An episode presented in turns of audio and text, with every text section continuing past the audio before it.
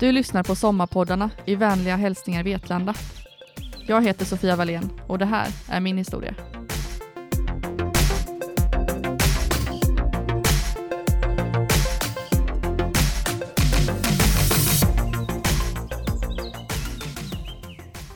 Jag stod på laggårdsbacken och såg den rosa dodgen mullra iväg på landsvägen. Hon hade varit min ögonsten sedan 2006 och nu hade jag sålt henne för att kunna leva min dröm. En dröm som innebär att klockan ringer halv fem varje morgon, vardag som helg och att jag tillbringar nästan hela arbetsdagen i skitiga stövlar. Jag ångrar mig inte en sekund. Jag heter Sofia Wallén, är 31 år gammal och mjölkbonde utanför Vetlanda. Det där sista, att vara mjölkbonde, har inte varit ett självklart val för mig, men det kommer jag till lite senare. Jag är uppväxt i en liten bruksort som heter Tollered, som ligger tre mil utanför Göteborg. Mamma är undersköterska och pappa jobbar på SKF. Jag är äldst av tre syskon och har alltid haft ett stort djurintresse. När jag var liten hade vi ju för sig bara katter hemma, men hos farmor och farfar, där fanns det får, hund och på somrarna fick jag ha mina sköthästar betandes hos dem. Det var på grund av mitt intresse för djur som gjorde att när det var dags att välja gymnasium så var naturbruksgymnasium det som tilltalade mig mest. Inte bara skulle man få lära sig mer om djur och natur, utan man skulle också få flytta hemifrån och bo på internat. Något som såklart lät underbart för en 15-åring. Jag började strömma, en naturbruksskola utanför Sätila i Västra Götaland 2004 och valde inriktningen djurvård. På det sättet så fick man läsa så mycket djurkurser som det var möjligt och man lärde sig både om hundar, hästar, ormar och smådjur och såklart lantbruksdjur. Det där sista var inte så intressant på den tiden, kommer jag ihåg. Faktum är att jag tjatade på vår studievägledare om att få byta bort min kopraktik mot mer smådjurspraktik, då jag tyckte mjölkkor var så fruktansvärt tråkigt. Övertalningsförsöket lyckades nästan. Jag slapp helgtjänstgöring hos korna men fick göra dubbla helger hos grisarna istället. Det gjorde mig inget. Grisarna var roligare och jag skulle ändå inte jobba med kor i framtiden. Så var i alla fall planen 2004. Men är det något jag har lärt mig så är det att man aldrig ska säga aldrig. Efter gymnasiet så flyttade jag en sväng upp till Lycksele. Där jobbade jag på ett bageri och café i ett år. Men till slut blev längtan söderut starkare och jag började se mig om efter jobb i mina gamla hemtrakter runt Göteborg. Det låg en annons ute där de sökte djurskötare till en mjölkgård utanför Partille. Jag sökte och till min stora förvåning så fick jag komma på arbetsintervju. Gården hade 50 stycken holsteindjur. Det är de svarta och vita mjölkkorna. Och jag fick jobbet. I två och ett halvt år arbetade jag på Kåhögs gård utanför Partille och jag stormtrivdes. Jag fick lära mig grunderna med mjölkkor. Jag fick gå seminkurs samt åka till Tyskland på koresor med andra lantbrukare. Men efter två och ett halvt år kände jag att det var dags för mig att leta efter nya utmaningar. Och i samma veva träffade jag en kille som hette Per. Jag var ju bara 22 och det var inget seriöst, men han jobbade också inom lantbruket. Men höll också på att utbilda sig till tungmekaniker. Och så gillade han raggarbilar. Själv hade jag vid denna tiden precis köpt min Dodge Custom Royal Lancer från 1956. Hon, ja, det är väl klart att det är en hon, var supersänkt bak, rosa och svart samt gick otroligt bra med en 383 V8 under huven.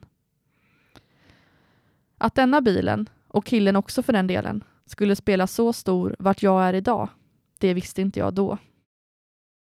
Jag flyttade till Falköping, jobbade på olika gårdar och hade olika uppdrag. På Nötcenterviken fick jag vara seminansvarig och fick vara involverad i diverse olika foderförsök. Detta i sin tur gjorde att tanken om att jag skulle studera vidare väcktes. Men till vad? Valet stod mellan agronom eller lantmästare, Uppsala eller Lomma. Valet föll på agronom. En femårig utbildning där man kunde välja olika inriktningar som markväxt, husdjur, landsbygd eller ekonomi. Mitt val föll på det senaste. Jag skulle flytta till Uppsala och läsa i fem år för att bli ekonomagronom. Målet för mig var att få arbeta som rådgivare i lantbrukssektorn. Och detta för att jag inte hade någon gård i släkten och rådgivaryrket kändes då som en bra kompromiss. Jag flyttade ihop med min hund Osra, en svart Grand upp till Uppsala hösten 2012. Och ett halvår efter flyttade Per upp till oss. Ganska lagom till att jag kom på att agronom, det var nog inget för mig. Per tog det förvånansvärt bra. Han som sagt upp sig från ett fast jobb och flyttat till Uppsala för att jag skulle plugga där i fem år. Men vad skulle jag nu göra? Veterinär kanske? Nej, betygen var nog inte riktigt där de borde för det valet. Lantmästare? Ja, det fick nog bli lantmästare i alla fall. Så hösten 2013 lämnade jag Uppsala och flyttade in på Lusthyllan, ett av de olika studentboenden på Alnarp i Skåne. Per och Osra stannade kvar i Uppsala då Per hade fått en fast tjänst på en maskinfirma där. Och vem visste hur långvarig jag skulle bli i Skåne? Cirka hälften av de 50 som gick samma utbildning som jag hade gård i släkten. Deras plan var att efter några år på arbetsmarknaden efter utbildningen ta över föräldragården. Det valet hade inte jag.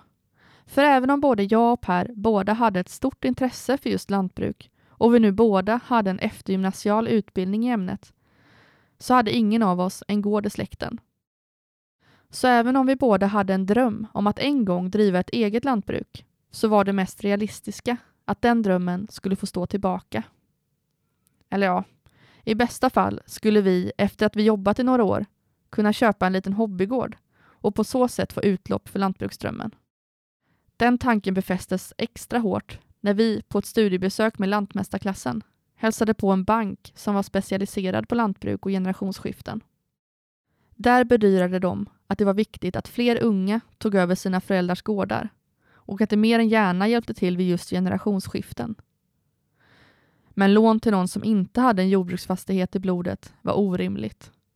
För utan att ha lantbruk i blodet så kunde man ju inte vara en framgångsrik lantbrukare. När man läser till lantmästare så kan man välja att läsa två år och då få sin lantmästartitel. Man läser under dessa två åren olika ämnen som växtodling, maskinteknik, animaliekurser, ekonomi och kemi. Om man vill specialisera sig ytterligare efter de första två åren finns möjlighet att bygga på med en kandidatexamen inom det ämnet som intresserar en mest. Jag valde att läsa tre år och det sista året specialiserade jag mig inom animalieproduktion med fokus på mjölkkor och hållbar matproduktion. Sommaren mellan andra och tredje året på Alnarp så hörde en gammal arbetschef och vän av sig till Per. Staffan. Han är mjölkbonde utanför Målilla och har hört vår önskan om att en dag driva en egen gård. Drömmen hade varit cirka 50 mjölkande och allra helst att den skulle drivas ekologiskt. Han hade nämligen hittat en liten annons om en gård i Småland utanför Vetlanda som sökte nya arrendatorer. Gården hade 50 mjölkande och var med i krav. Staffan tyckte att vi kunde åka och titta i alla fall och både jag och Per kände att vi har inget att förlora på att titta. Och i Vetlanda hade vi ju dessutom cruisat några år innan med Dodgen, så vi kände igen staden. Sagt och gjort, vi tog kontakt med Jonas och Margareta Tureborn som drev Bjärdesjöholms lantbruk. Och en sommardag i augusti 2015 styrde vi bilen mot Vetlanda och Myresjö. När vi åkte genom Myresjö, som såg ut som ett trevligt litet samhälle, så kom man in i skogen och det kändes lite mörkare. Kunde det verkligen ligga en mjölkgård här ute? Men så plötsligt öppnade det upp sig och vi åkte upp för en liten backe och där, med utsikt över Bjärdesjön, så låg en fantastiskt vacker gård med 50 mjölkkor och som dessutom var kravansluten. Jag och Per kollade på varandra och vi tänkte nog båda att här ska vi bo. Gården bestod av en teglad arrendebostad med altan mot sjön. Och laggården, som har plats för både mjölkkor och ungdjur, var visserligen äldre, men alla djur gick på lösdrift och det fanns en mjölkgrop. Det märktes att Jonas och Margareta, som drivit gården i 33 år, hade tagit väl hand om både djur och byggnader. I trädgården syntes det också att de hade ett stort trädgårdsintresse, för där blommade rabatterna och i växthuset var det full produktion. Det var en småländsk sommaridyll och det är klart att vi föll för Bjärdesjöholm. Nu började resan. Vi var tvungna att hitta finansiering. För efter nästan fyra år med universitetsstudier och CSN som enda inkomst för mig och långdistansförhållande som krävde att man höll igång två hushåll så fanns det ingenting på något sparkonto. Det blev tydligt för oss att detta skulle kräva research, arbete och säkert både blod, svett och tårar om vi skulle kunna övertala någon bank att ge oss chansen att följa vår dröm. Några som hjälpte oss att förbereda oss var Staffan och Martina i Målilla som tidigare tipsat oss om gården som sökte nya arrendatorer. De kunde, tack vare att de varit mjölkbönder och företagare några år, hjälpa oss att se vad vi behövde trycka på och vad vi skulle vara förberedda på när det var dags att gå till banken och få de ekonomiska medlen som skulle hjälpa oss på vägen att följa vår dröm. Vi skrev CV, gjorde SWOT-analyser, lyfte fram alla våra goda egenskaper samt hur vi kompletterade varandra. Vi författade varför vi ansåg oss vara lämpliga att driva ett framgångsrikt mjölkföretag och tog reda på vilka bidrag man kunde söka av Länsstyrelse och Jordbruksverk som nystartad ung lantbrukare. Sen var det äntligen dags att gå till banken. Eller ja, bankerna.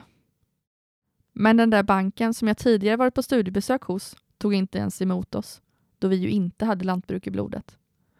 Så den släppte vi direkt. Däremot var vi välkomna på möte på två andra banker i Vetlanda.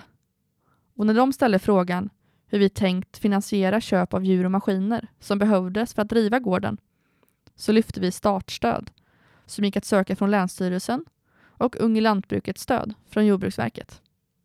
Detta täckte dock inte alls handpenning och det var ju dessutom inte säkert att man skulle bli beviljad de pengarna. Det enda tillgången vi hade var våra två raggarbilar. Jag hade kvar min rosa Dodge 56 och Per hade importerat en Chrysler New Yorker från 1947 som var helt original. Och det var uppenbart att för att vi skulle kunna följa vår framtidsdröm så skulle vi bli tvungna att sälja bilarna. Sagt och gjort. De såldes och även om det kändes tungt när de mullrade iväg så gjorde det att vi, tack vare hjälp från Swedbank och Almi, kunde arrendera Bjärdesjöholm. Och den 1 april 2016 ringde klockan för första gången 04.40 och vi kunde gå upp och mjölka våra alldeles egna mjölkkor på gården Bjärdesjöholm som vi nu var arrendatorer på. Vi har nu drivit gården i över fyra år och det är verkligen att leva vår dröm varje dag. Även om man ibland får påminna sig själv om att man faktiskt själv valt att nästan aldrig vara ledig och att vara bunden till gården, så är ögonblicken där man nästan måste nypa sig i armen för att försäkra sig om att de vackra djuren vi arbetar med varje dag faktiskt är våra egna. Och att det är vi som får nöjet och äran att förvalta åkrarna och den biologiska mångfald som lever omkring oss. Det är inte bara en dröm, utan det är vår verklighet. Vi har också det stora nöjet att producera förstklassiga livsmedel, både mjölk och kött, som fler människor förhoppningsvis vill och kan njuta av hemma hos sig. För detta med livsmedel är något som vi som samhälle måste ha. Och är det något som jag tror att vi alla har blivit medvetna om denna våren och försommaren 2020 så är det förhoppningsvis att livsmedel, det behöver vi. Vi behöver också ta vara på vår närmiljö och den småländska idyllen kanske vi alla får njuta av lite extra detta året då resor utomlands inte är möjligt utan faktiskt tvingar oss att ta in vad vi har i vårt närområde. När man pratar om Småland så tänker många på Astrid Lindgren och hennes porträtt av sommaridyllen. Blomstrande fält med betande djur och en grönska som nästan känns för vacker för att vara sann. Men på många platser runt om i Småland så ser man nu en förändring i landskapet. Åkrar och beteshagar som varit brukade i århundraden börjar nu minska och planteras igen. Många äldre landskap som tidigare producerat både livsmedel och biologisk mångfald växer igen eller bebyggs. Staden växer och på många ställen i landet bygger man på den så tidigare värdefulla åkermarken. Vi har en självförsörjningsgrad i Sverige som ligger på 50 procent. Detta betyder att om vi drabbas av en kris som betyder att import av mat blir begränsad så har vi bara 50 procent av de livsmedel som vi behöver. Faktum är att de livsmedel som vi är självförsörjande på i Sverige är socker, morötter och spannmål. Därför behöver vi producera mer mat i Sverige. Och vi behöver framförallt bli fler som gör det. Snittåldern på lantbrukare är hög och många lantbruk står idag utan någon naturlig efterträdare. Därför behövs fler unga som hittar in i lantbruksbranschen. En bransch som har så mycket att erbjuda för de som vågar ta steget. Det finns möjlighet att få arbeta med djur, teknik, maskiner, klimat och natur. Och dessutom så är det möjligt att tjäna pengar på det. Som lantbruksentreprenör är man aldrig fullärd. Det finns oändlig utvecklingspotential och man kan själv välja den inriktning som man själv vill. Arbetet är flexibelt och socialt och består av ett fantastiskt nätverk som även om man inte driver samma företag ändå kan kalla kollegor. Men för att vi ska få fler lantbrukare som vill, kan och vågar satsa så behöver vi politiker som förstår att för att Sverige ska vara mindre sårbara så behöver vi ha en högre självförsörjningsgrad.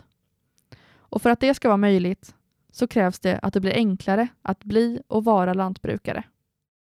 Tydligare regler och lagar ska underlätta för unga att driva företag och bättre bidrag och verktyg som gör det självklart att företag även kan drivas på landsbygden.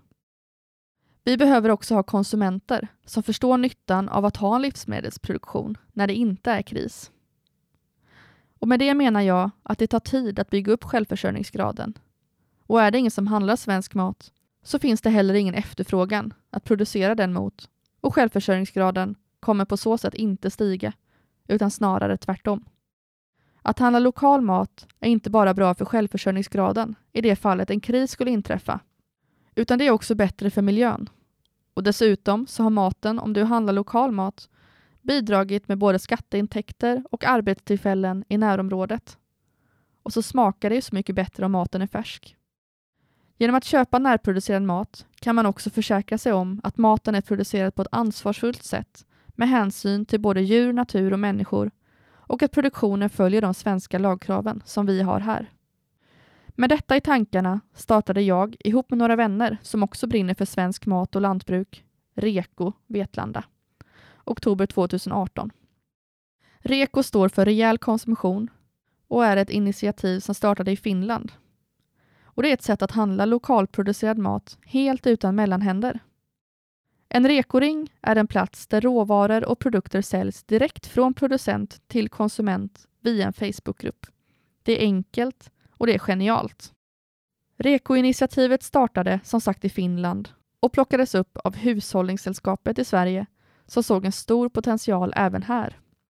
Hushållningssällskapet hjälper oss administratörer med material och support, men arbetet görs på ideell basis. Reko kan liknas vid en folkrörelse som växer snabbt i hela Sverige och i april 2020 fanns det över 175 aktiva rekoringar i Sverige med över en halv miljon medlemmar, varav 2500 finns här i Vetlanda och vi växer hela tiden. Som konsument finns det många fördelar att handla genom en lokal rekoring. Man får möjlighet att äta färsk mat som är i säsong.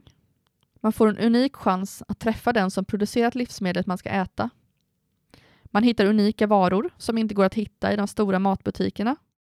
Man hjälper också till att minska matsvinnet då man kan beställa precis så mycket man behöver och inte behöva köpa ett storpack om man inte gör av med så mycket. Som producent finns det om möjligt ännu fler fördelar. Det är kostnadseffektivt, då ingen mellanhand finns som ska dela på förtjänsten. Det är tidseffektivt, då alla varor är förbeställda behöver man inte packa ner varor och ta med sig hem igen, som annars kan vara aktuellt om man säljer på en marknad. Man får också möjlighet att sälja till konsumenter som uppskattar lokala delikatesser. Och man har möjlighet att sälja även vid mindre produktion. Hur går det då till rent praktiskt att handla i Reko? Jo, du blir medlem i Facebookgruppen som heter Rekoring Vetlanda. Läser igenom alla fina inlägg från producenterna och fastnar man för något särskilt är det bara att kommentera under respektive annons vad man vill ha och hur mycket. Och sen dyker man upp vid utlämningen och hämtar varorna. Ingen handel sker på plats, utan det är endast utlämning som är tillåtet. Detta på grund av tillstånd och att producenten inte ska behöva packa mer än vad som säkert går åt. Det är klimatsmart och superenkelt. Vi finns som sagt på Facebook och är ni inte redan medlemmar i vår grupp så tycker jag att det är hög tid att ni blir det. Annars har vi utlämningar tisdagar udda veckor klockan 18.00 till 18.30 och det går jättebra att bara komma och kolla vad vi håller på med.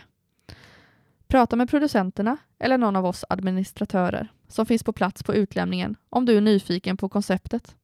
För vi behöver bli fler som handlar i Reko och det finns plats för fler producenter. Varor som idag går att handla hos oss är olika sorters kött, diverse skafferivaror som kryddor, matvete, iläggningar och så vidare. Och vi som idag driver Ekoringen i Vetlanda är jag, Sanna Remne och Lovisa Hedberg. Och jag hoppas vi ses vid nästa utlämning. Jag vill med detta sommarprat framförallt inspirera dig som någon gång har slagits av tanken att det där med lantbruk, det verkar intressant. Att satsa. Och de bästa råden jag kan ge till dig är Skaffa dig en utbildning. Skaffa dig bra mentorer som kan ge input. Och framförallt, våga leva din dröm. För möjligheterna är oändliga. Och till dig som inte vågar satsa på att själv bli lantbrukare, så våga göra något som är nästan lika viktigt. Nämligen att välja svensk mat nästa gång du är och handlar. För din egen skull, för kommande generationers skull och inte minst för miljön. Du har lyssnat på Sommarpoddarna i Vänliga hälsningar Vetlanda. En poddproduktion av Vetlanda kommun